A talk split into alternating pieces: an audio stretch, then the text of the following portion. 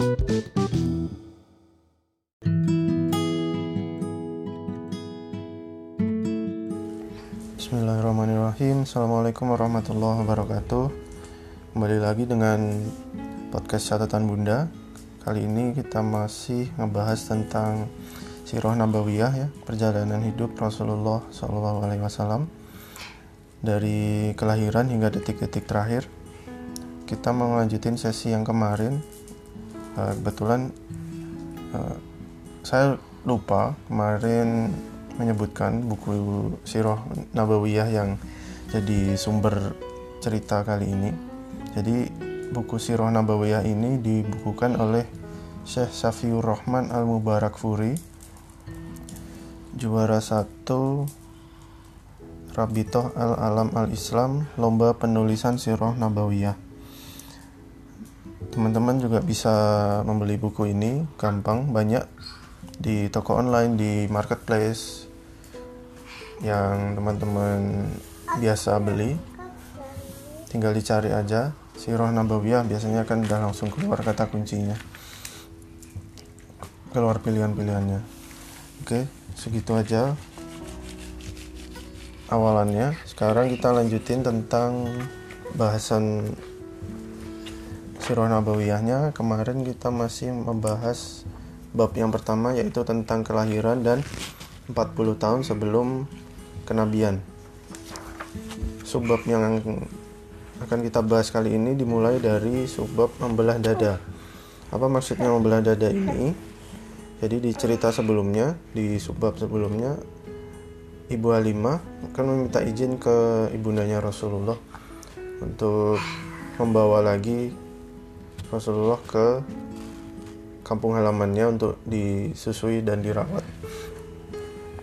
Biasanya setelah dua tahun kan langsung dipulangin tapi minta izin karena keluarga ibu Halimah merasakan keberkahannya merasakan keberkahan dari kehadiran kehadiran bayi Rasulullah. Maka dari itu ibu Halimah minta izin untuk bisa lebih panjang lagi merawat Rasulullah sampai dia tumbuh dewasa. Nah akhirnya Rasulullah tetap tinggal di perkampungan kabilah Bani Sa'ad hingga terjadinya peristiwa dibelah dada beliau ketika berusia 4 atau 5 tahun. Nah, Imam Muslim meriwayatkan dari Anas bahwasanya Rasulullah didatangi oleh malaikat Jibril saat beliau tengah bermain bersama teman sebayanya. Malaikat Jibril menangkap dan merebahkan beliau di atas tanah, lalu membelah jantungnya, kemudian mengeluarkannya dari jantung ini dikeluarkan segumpal darah.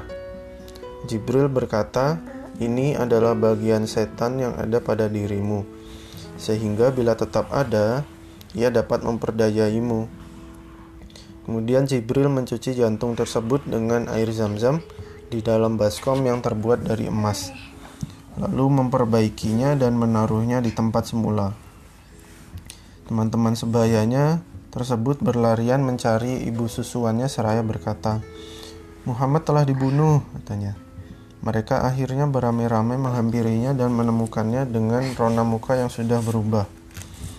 Anas, si periwayat hadis berkata, Sungguh, aku telah melihat bekas jahitan itu di dada beliau. Jadi, Rasulullah saat usia 4 atau 5 tahun saat itu Rasulullah sedang main kak. Sedang main di luar di luar rumah gitu sama teman-temannya. Terus sambil menggembala kambing tiba-tiba malaikat Jibril datang.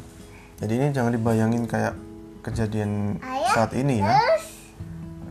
yang kejadian kita saat ini nggak boleh ditiru ya. Karena ini hanya kejadian antara Rasulullah sama malaikat. Malaikat itu malaikat itu kan nggak bisa kita lihat ya, ya malaikat makhluk Allah makhluk uh, yang nggak bisa dilihat oleh mata manusia. Nah, atas izin Allah, malaikat Jibril itu berubah wujud jadi manusia dan menampakkan diri ke Rasulullah. Nah, Rasulullah dibaringin, di dibuka dadanya, dibelah, di jantungnya dibersihin, dicuci, gitu. Nah, itu tujuannya supaya menghilangkan bagian-bagiannya setan yang ada di dada Rasul. Kenapa? Karena nanti Rasulullah dapat tugas dari Allah kan. Jadi nabi, jadi rasul. Jadi dibersihin dulu badannya, dibersihin dulu jiwanya, bersihin dulu batinnya supaya setan nggak bisa ikut-ikutan, nggak bisa ikut menggoda gitu maksudnya. Batin itu apa? Batin itu yang ada di dalam hati kakak, yang ada dirasain, yang bisa di misalkan kakak ngerasa ini baik, itu bisa ngerasain ini. Jadi kalau kakak ngelihat ada temen yang nakal, kakak bisa ngerasa oh ini ini perbuatan yang nggak baik kayak gitu. Itu batin kakak yang merasakan. Oh ayah sama mama sayang sama kakak, memperhatikan kakak. Nah itu batin kakak yang merasakan ada kasih sayangnya ayah, ada kasih sayangnya mama di situ. Itu namanya batin. Nggak kelihatan tapi dia ada dirasa dirasain gitu ya.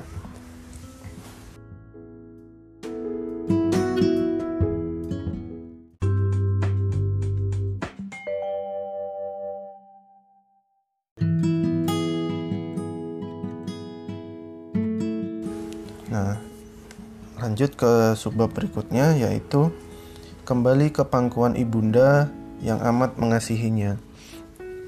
Setelah peristiwa tersebut yang tadi yang Rasulullah dibelah dadanya oleh malaikat Jibril, Ibu Halimah merasa khawatir atas diri beliau sehingga dikembalikan lagi Rasulullah kepada ibundanya. Beliau tinggal bersama ibundanya sampai berusia enam tahun. Kakak enam tahun. iya sama kakak Sebagai bentuk kesetiaannya, Aminah memandang perlu untuk menziarahi kuburan suaminya di Yatsrib atau kota Madinah. Oh ya, Aminah ini nama ibundanya Rasulullah. Ya. Ibunda Siti Aminah. Untuk itu, dia keluar dari Mekah dengan menempuh perjalanan yang mencapai 500 km bersama anaknya yang masih kecil Muhammad Shallallahu Alaihi Wasallam, pembantunya Ummu Aiman dan mertuanya Abdul Muthalib. Abdul Muthalib itu siapa? Kakeknya. Kakeknya Rasul. Setelah tinggal se- selama sebulan di sana di kota Madinah, dia kembali pulang ke kota Mekah. Akan tetapi di tengah perjalanan dia terserang sakit sehingga akhirnya meninggal dunia di suatu tempat bernama Abwa yang terletak antara Mekah dan Madinah. Nah, Rasulullah usia 6 tahun ditinggal meninggal sama ibundanya. Di ibundanya Siti Aminah meninggal saat perjalanan. Jadi ayahnya Rasul dimakamkan di Madinah. Rasulullah sama ibunya tinggal di Mekah. Nah, perjalanan dari Mekah ke Madinah eh, itu untuk menziarahi, untuk berdoa di makam ayahnya. Nah, pas mau pulang ke Mekah, tiba-tiba ibunya sakit, ibundanya Rasul. Nah, di situ ibundanya meninggal. Jadi Rasulullah sudah yatim piatu, tidak punya ayah, tidak punya ibu saat usia Enam. 6 tahun. semua kakak ya Seumur kakak sekarang. Jadi kakak bersyukur ayah masih ada, mama masih ada. Itu banyak-banyak bersyukur ya.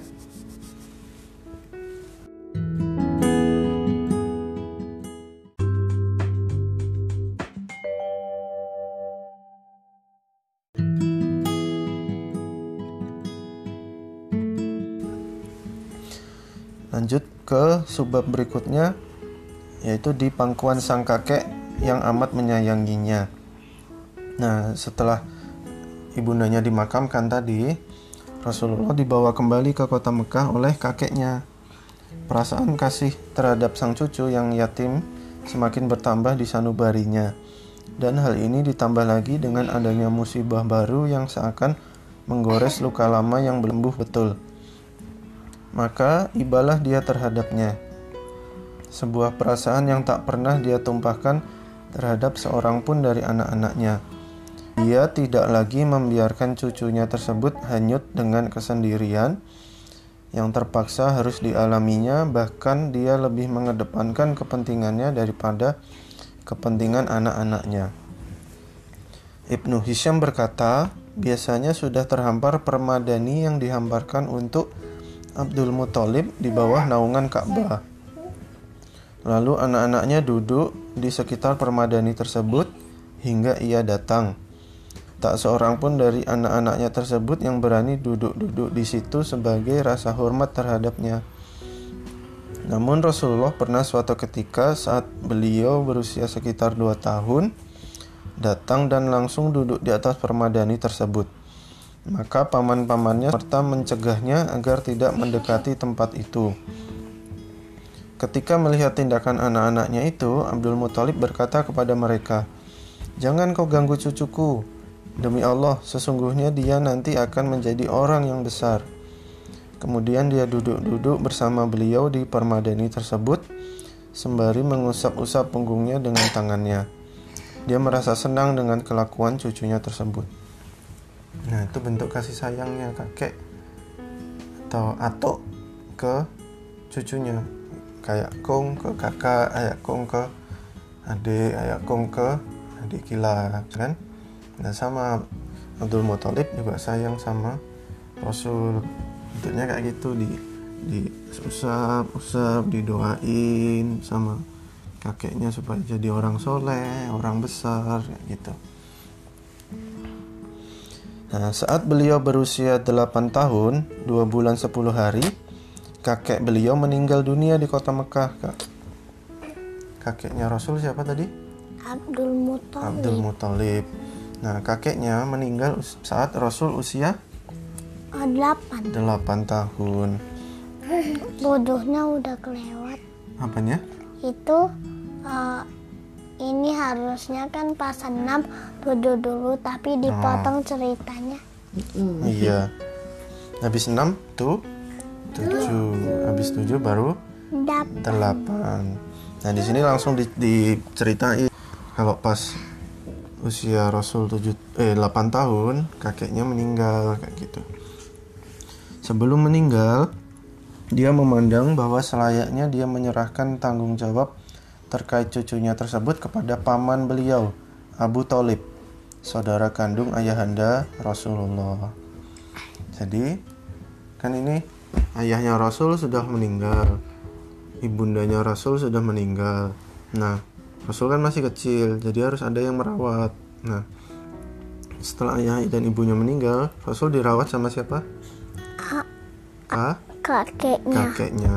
Nah, tadi kakeknya meninggal usia berapa? Oh, Saat delapan. Rasul usia Delapan. 8 tahun. Nah, setelah 8 tahun ini Rasul sendirian lagi, ya. Jadi nggak ada lagi yang merawat. Nah, sebelum kakeknya meninggal, harus ada lagi nih wali atau orang tua yang merawat Rasul.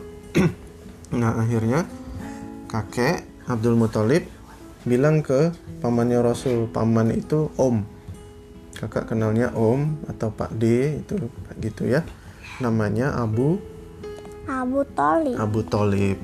Bila dia bilang ke ke omnya Rasul ini atau pamannya Rasul dititipin ke Abu Talib untuk dirawat setelah setelah kakeknya meninggal gitu. Jadi Rasul tetap punya orang tua yang merawat kayak gitu, nggak sendirian.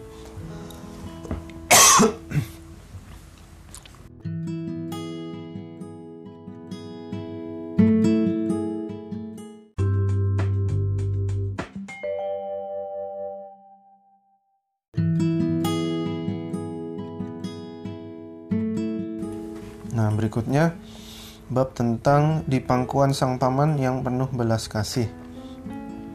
Abu Talib melaksanakan amanah yang diembankan kepadanya untuk mengasuh keponakannya dengan sebaik-baiknya dan menggabungkan beliau dengan anak-anaknya. Dia bahkan mendahulukan kepentingannya ketimbang kepentingan mereka. Dia juga mengistimewakannya dengan penghormatan dan penghargaan. Perlakuan tersebut terus berlanjut hingga beliau berusia di atas 40 tahun. Pamannya masih tetap memuliakan beliau, membentangkan perlindungan terhadapnya, menjalin persahabatan, atau mengobarkan permusuhan dalam rangka membelanya. Dan sekilas tentang hal itu akan dipaparkan nanti pada pembahasan tersendiri. Jadi nanti ada bab khususnya tentang pamannya Nabi. Oke, lanjut lagi ke bab subbab berikutnya yaitu tentang meminta hujan turun berkat kedudukan beliau. Ibnu Asakir meriwayatkan hadis dari Jalhumah bin Urfatoh. Dia berkata, Ketika aku datang ke Mekah, mereka sedang mengalami musim paceklik atau tidak turun hujan. Lantas orang-orang Quraisy berseru, "Wahai Abu Talib, air lembah telah mengering dan kemiskinan merajalela. Untuk itu mari kita meminta agar diturunkan hujan." Kemudian Abu Talib keluar dengan membawa seorang anak yang laksana matahari yang diselimuti oleh awan tebal, pertanda hujan lebat akan turun yang darinya muncul kabut tebal yang di sekitarnya terdapat sumber mata air sumur. Lalu, Abu Talib memegang anak tersebut, menyandarkan punggungnya ke Ka'bah, serta menaunginya dengan jari jemarinya dari panasnya matahari. Jadi digendong sambil ditutupin kepalanya supaya nggak kepanasan.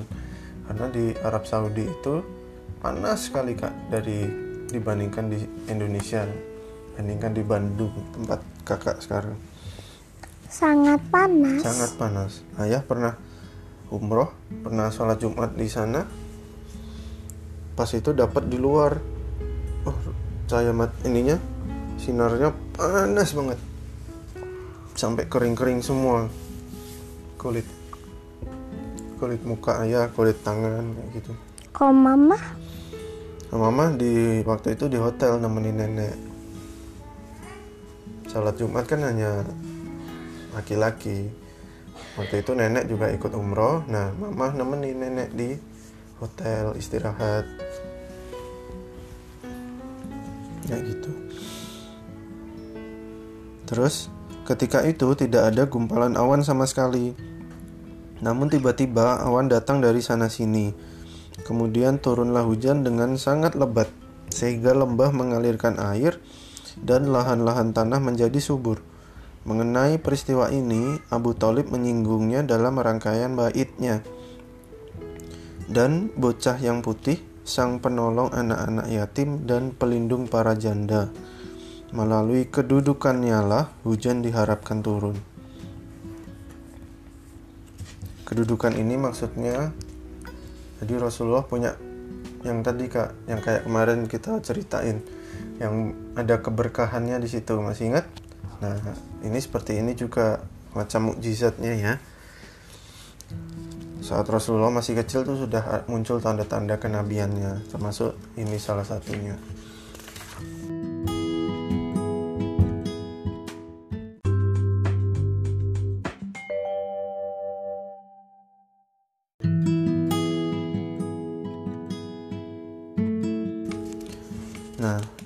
Subbab berikutnya. Kita masuk tentang bersama sang rahib Bahiro. Ketika Rasulullah berusia 12 tahun, menurut riwayat lain 12 tahun 2 bulan 10 hari, pamannya Abu Talib membawanya serta berdagang ke negeri Syam. Hingga mereka sampai di suatu tempat bernama Busro Busro yang masih termasuk wilayah Syam dan merupakan ibu kota Hauron. Hauron. Hauron. Ketika itu, Syam merupakan ibu kota negeri-negeri Arab yang masih mengadopsi undang-undang Romawi. Di negeri inilah dikenal seorang rahib atau pendeta yang bernama Bahiro. Ada juga yang mengatakan nama aslinya adalah Jarjis. Ketika rombongan tiba, dia langsung menyongsong mereka, padahal sebelumnya dia tidak pernah melakukan hal itu. Kemudian berjalan di sela-sela mereka hingga sampai kepada Rasulullah. Lalu memegang tangannya sembari berkata, "Inilah penghulu alam semesta. Inilah utusan Rob alam semesta. Dia diutus oleh Allah sebagai rahmat bagi alam semesta ini." Abu Talib dan pemuka kaum Quraisy bertanya kepadanya, "Bagaimana Anda tahu hal itu?" Dia menjawab, Sesungguhnya ketika kalian muncul dan naik dari bebukitan, tidak satupun dari bebatuan ataupun pepohonan melainkan bersujud terhadapnya. Dan keduanya tidak akan bersujud kecuali terhadap seorang nabi. Sesungguhnya aku dapat mengetahuinya melalui tanda kenabian yang terletak pada bagian bawah tulang rawan pundaknya yang bentuknya seperti apel. Sesungguhnya kami mengetahui hal tersebut dari kitab suci kami. Kemudian sang rahib mempersilahkan mereka dan menjamu mereka secara istimewa.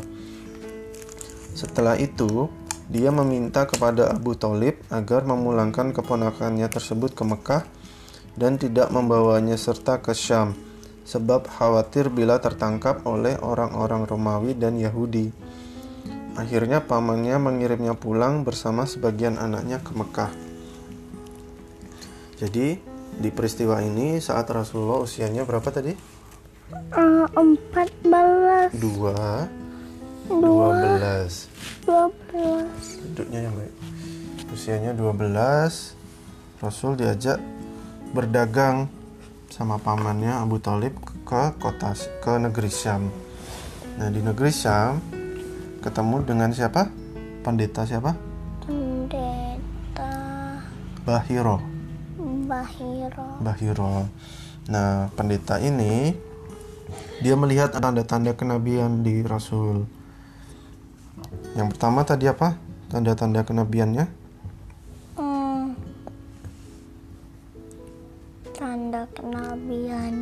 Tadi Rahib Bahiro menjelaskan saat saat rombongannya Rasul itu jalan dan muncul dari bu- bukit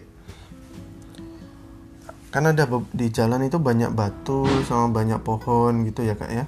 Nah atas izin Allah batu dan pohon ini pas ada Rasulullah lewat mereka akan gini kak pohonnya akan nunduk gini sujud ke arah Rasul seolah-olah kayak melindungi Rasulullah dari panas. Jadi pas jalan pas jalan ke mana pun Rasulullah nggak kepanasan. Gitu. Itu itu tanda-tanda kenabiannya Rasul. Tapi kayak aneh zaman sekarang kok nggak eh, itunya nggak bergerak. iya karena ini hanya untuk Rasul. Manusia yang istimewa utusan Allah. Sudah setelah Rasulullah setelah Nabi Muhammad itu nggak ada lagi Rasul nggak ada lagi. Karena agama Islam sudah sempurna. Jadi ya semua sekarang berjalan sesuai sesuai takdirnya Allah gitu. Sesuai seperti biasa yang seperti kita lihat sekarang ini. Jadi tanda-tanda kenabiannya itu hanya berlaku ke Rasul saja ya kita sebagai umat Islam wajib mempercayai wajib mengimani kisah-kisahnya meneladani ceritanya gitu. Gitu supaya kita kenal sama Rasul. Karena nanti di akhirat semua umat Islam tuh akan ketemu kak sama Rasulullah. Nah di akhirat nanti kita bisa dapat syafaat. Tahu syafaat itu apa? Enggak. Syafaat itu kayak kita- Rasul nanti bilang sama Allah ya Allah ini Mirza rajin sholatnya bagus ibadahnya suka ngajinya kenal sama saya kenal sama cerita Rasul tahu cerita perjuangan saya sering sholawat sama saya.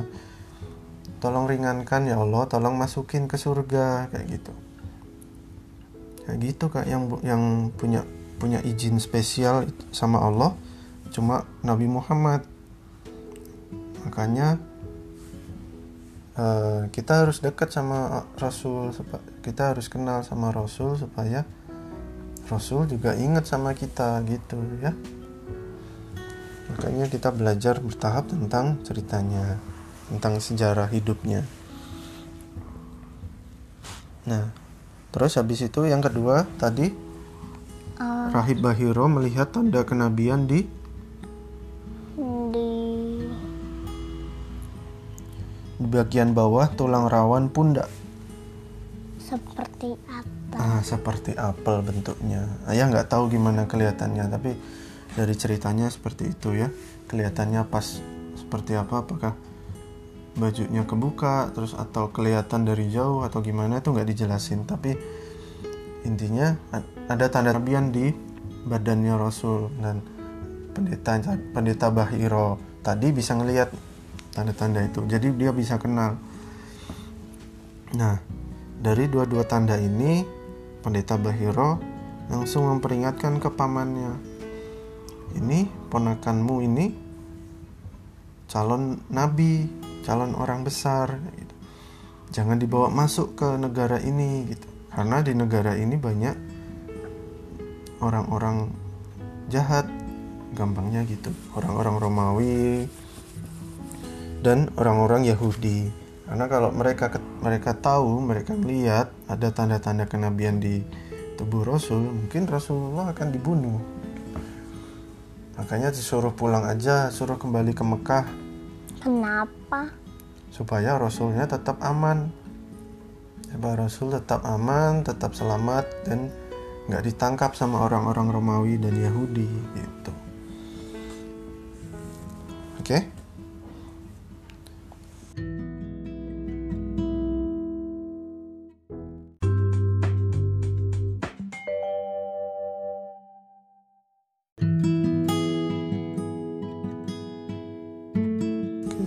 Sebab selanjutnya kita masuk ke sebab tentang perang Fijar.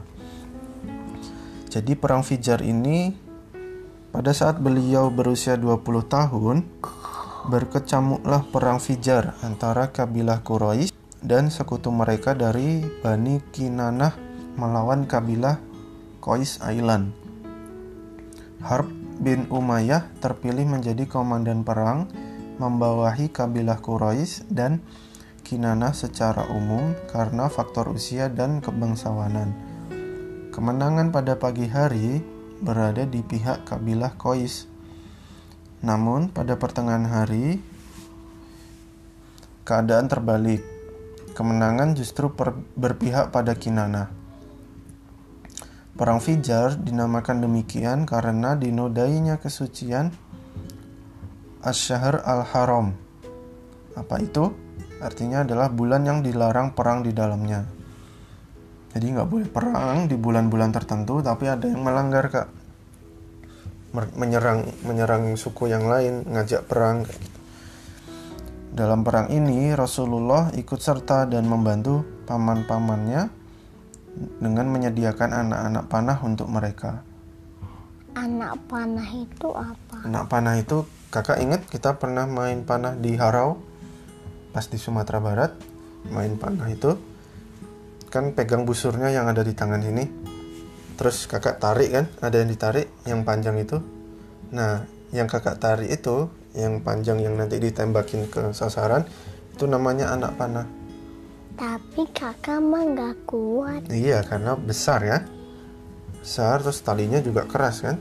Tapi kakak tahu yang namanya anak panah itu yang yang diterbangin itu yang lepas dari busurnya terus dia meluncur ke sasarannya.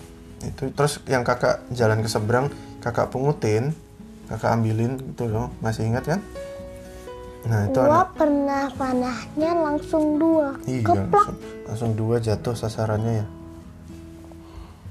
Jadi tahu ya, itu namanya anak panah.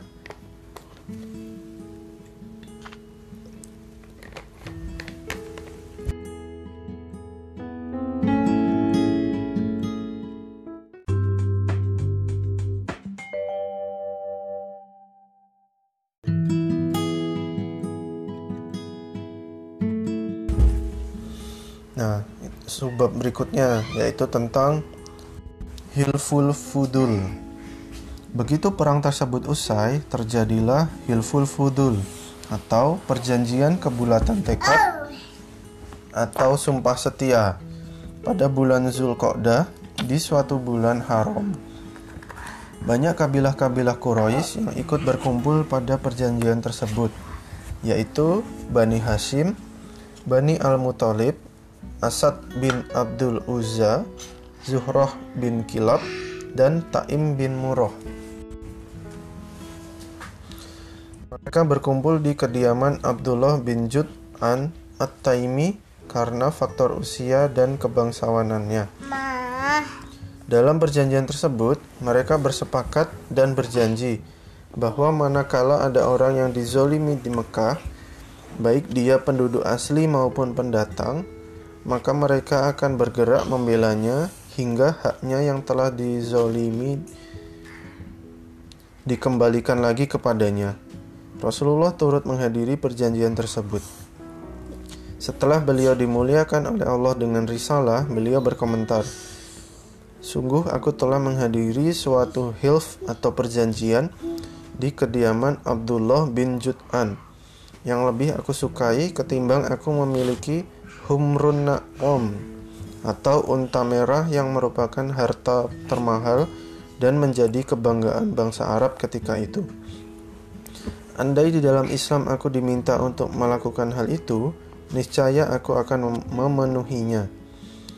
Semangat perjanjian tersebut menolak hamiyah jahiliyah atau egoisme jahiliyah yang justru timbul dari sikap fanatisme terhadap suku dan keluarga. Ada sementara versi yang menyebutkan bahwa sebab terjadinya perjanjian tersebut adalah seorang dari kabilah Zubaid yang datang ke Mekah dan membawa barang. Kemudian barang tersebut dibeli oleh Al-As bin Wa'il As-Sahmi. Namun dia menahan hak orang tersebut. Karenanya dia meminta bantuan kepada suku-suku yang bersekutu di kota Mekah atas perbuatan Al-As tersebut. Para sekutu ini terdiri dari Bani Abduddor, Makhzum, Jumah, dan Adi. Akan tetapi, mereka semua tidak mengacuhkannya. Akhirnya, dia memanjat ke puncak gunung Abi Kubais dan memanggil-manggil mereka dengan senandung syair-syair yang berisi kezoliman yang tengah dialaminya seraya mengencangkan suaranya. Rupanya, Az-Zubair bin Abdul Muthalib yang mendengar hal itu langsung bergerak menuju ke arah ke arahnya seraya bertanya-tanya, "Kenapa orang ini tidak dipedulikan?" Tak berapa lama kemudian, berkumpullah kabilah-kabilah yang menyetujui perjanjian Hilful Fudul di atas. Lantas mereka mendatangi Al-As bin Wa'il dan merebut hak orang dari suku Zubai tersebut darinya setelah menandatangani perjanjian.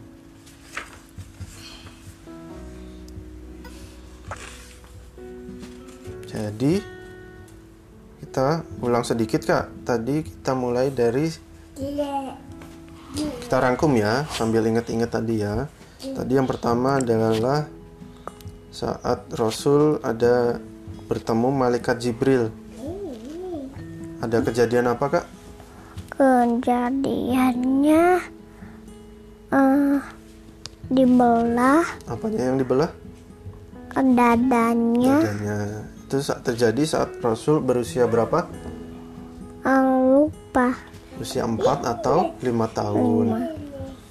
Nah, dibelah dadanya itu tujuannya untuk untuk menghilangkan setan menghilangkan pengaruh setan, dibersihkan ya. Terus habis itu Rasulullah yang pergi sama ibundanya ke makam ayahnya usia berapa? eh, usia Eh, enam 6 tahun. Makam ayahnya ada di kota mana? di kota Madinah Di kota Madinah. Nah, sepulang dari kota Madinah pas mau pulang ke Mekah, tiba-tiba siapa yang sakit? Eh, ibu bu ibunya Ibundanya Rasulullah. Terus nggak lama setelah itu ibundanya meninggal meninggal. Jadi Rasulullah nggak punya ibu dan dan ayah. ayah Saat usia usia enam 6 tahun. Setelah ayah dan ibunya meninggal, Rasul dirawat oleh oleh kakeknya oleh kakeknya. Siapa nama kakeknya? Abdul Abdul Muthalib Muthalib. Nah, setelah ibunya dimakamkan, pulang ke kota kota Me Mekah. Mekah. Nah, di sana Rasulullah disayangi sama kakeknya. Terus tiba-tiba saat usia berapa kakeknya meninggal? Hmm, De delapan usia 8 tahun. Jadi pas lahir Rasulullah sudah nggak punya ayah karena ayahnya sudah meninggal. Terus usia 6 tahun ibundanya meninggal. Terus habis itu dirawat oleh kakek. Nah, dirawat oleh kakek sampai usia delapan 8 tahun. Terus kakeknya meninggal. meninggal. Setelah kakeknya meninggal, Rasul dirawat oleh siapa? Pamannya. Pamannya. Siapa nama pamannya? Hmm, Abu Abu Muthalib. Abu Tolib. Abu Thalib. Abu Tolib.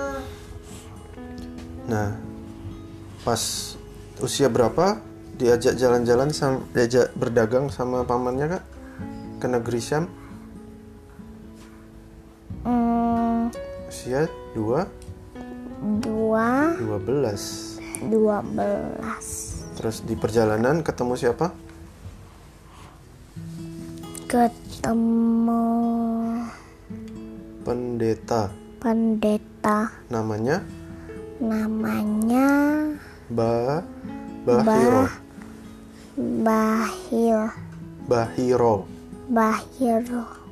Nah, apa kata apa kata pendeta Bahiro?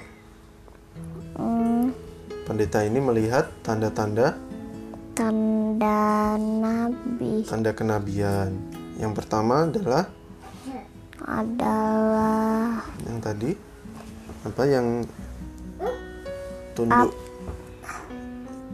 yang tunduk itu tadi apa? Apel. Kok apel? Jadi pas berjalan ada pohon dan ba batu. Batu. Jadi seolah-olah pohon dan batu itu bersujud untuk melindungi Rasul saat berjalan dan supaya tidak kena kena kena panas panas. Terus yang kedua, Rahib Bahiro ini melihat tanda-tanda kenabian di tubuh Rasul berbentuk berbentuk apel berbentuk apel. Sarannya supaya Rasul tidak dibawa masuk ke negeri Syam karena ada orang Ah, orang Romawi Romawi dan dan ya Yahudi Yahudi. Yahudi Jadi gak aman kalau Rasulullah dibawa masuk ke negeri Syam. Jadi sama Rahib Bahiro disarankan untuk pu untuk pulang pulang saja ke kota Mekah supaya lebih lebih aman lebih aman gitu ya. Itu ya kita sudah sampai ke? Tadi ketemu Rahib Bahiro usia 12 tahun terus membantu perang tadi yang pertama kali usia? Usia 20 20 20 tahun di perang Fijar. Fijar. Perang Fijar ini karena ada suku yang melanggar bulan-bulan Asyhar al-Haram. Jadi di bulan itu nggak boleh perang. Tapi malah ada yang melanggar. Jadinya Rasulullah bantu paman-pamannya berperang dengan apa tadi ngebantunya? Ambil-ngambilin apa? anak busur Anak panah. anak panah Anak panah disediain untuk paman-pamannya untuk senjata. Gitu ya. Jadi sekarang cukup dulu sampai sini ya. Mhm. Kita lanjutin di kesempatan berikutnya.